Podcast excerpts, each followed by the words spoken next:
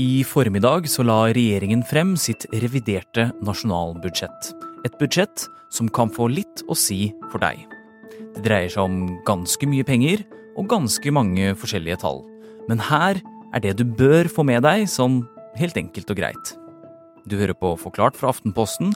Mitt navn er Filip A. Johannesborg, og det er torsdag ettermiddag 11. mai. En, eh, ganske store og betydelige tall som ble flytta på i statsbudsjettet i fjor eh, høst. Og det har vært gjort justeringer eh, nå i dette reviderte eh, budsjettet. Og en av de tingene som vi var... Økonomijournalist Sigurd Bjørnestad, bare for å ha det unnagjort, hva er et revidert budsjett? Statsbudsjettet for i år det ble vedtatt eh, rett før jul. Eh, Så etterpå hadde det kommet veldig mye ny informasjon om alle de tallene som er inne i statsbudsjettet. All denne nye informasjonen tar jeg nå inn og lager et revidert, oppdatert budsjett. Men sånn for deg og meg, hvordan vil vi kjenne på uh, dette budsjettet sånn som det er nå? Det, dette er et revidert budsjett, så det er ikke store forandringer i det som angår denne personlige økonomien for, eh, for folk.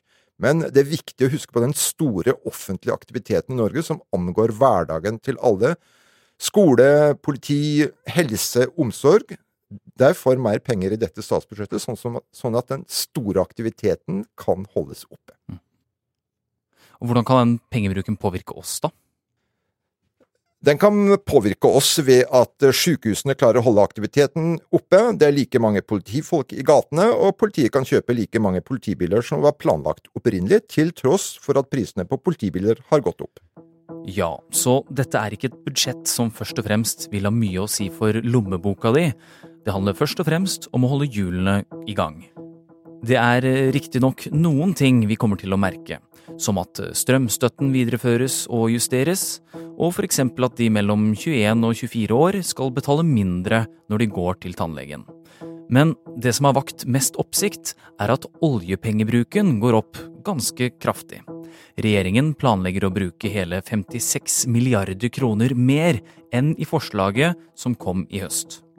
Det er fortsatt innenfor handlingsregelen, som sier at det ikke skal brukes mer av oljefondet enn realavkastningen, som er beregnet til 3% Det går ikke an å si at oljepengene brukes til noe spesielt, men oljepengene blir brukt til å fylle det gapet mellom inntekter og utgifter som er på statsbudsjettet, sånn at statsbudsjettene i Norge går akkurat i null. Eh, Det som har særlig vært økte utgifter i år, er utgiftene til hjelp til Ukraina, og så er det for å kompensere all statlig virksomhet for den uventa høye pris- og lønnsveksten som har vært i år. Men eh, er det slik at dette budsjettet vi nå ser på, er det sånn det kommer til å ende opp? Nei, dette skal nå behandles på Stortinget, så da vil nok eh, regjeringen først gå til sin foretrukne budsjettpartner SV og forhandle, og så vil man, hvis man ikke får til enighet der, så vil man kanskje gå til andre partier, men dette skal forhandles om i Stortinget, og vil helt sikkert bli forandra. Er det noen som er kritiske til det, pengebruken? Eh, Det er alltid noen som er kritisk til denne pengebruken. Noen syns det er for lite grønt, andre syns eh, det brukes for mye penger, sånn at det kan bli press i økonomien. Noen syns den er for streng med næringslivet, så enhver dag det blir lagt fram statsbudsjett eller revidert budsjett, så det er mange røster som er misfornøyd.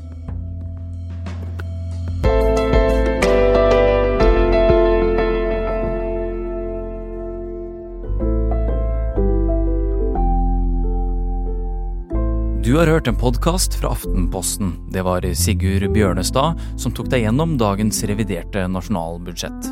Du har hørt lyd fra regjeringens pressekonferanse, og denne episoden er laget av Anders Weberg og meg, Philip A. Johannesborg. I en tidligere versjon av denne episoden så sa vi at handlingsregelen var at man ikke kunne ta ut mer enn 3% av avkastningen til oljefondet. Det er nå rettet opp i. Hva tror du? Våkner maskinene til live? Vi skal være litt forsiktige med å bruke vår bevissthet som en målesnor på hva bevissthet faktisk er for noe. Jo, men seriøst, hvorfor sier noen forskere at vi kanskje allerede har bevisste maskiner? Bevissthet er ikke noe vi gjør, det er noe vi er. Og vil vi egentlig klare å skjønne det hvis de blir bevisst? Og noen tror at det trenger et såkalt paradigmeskifte i vitenskapen. At man må se ting fra en helt ny synsvinkel. Og derfor tror jeg heller ikke vi kommer til å klare å, å skjønne at vi ser det når vi snubler over det. Ny episode av Dypdykk er ut nå. Hør den i Aftenposten-appen eller hos Podmy.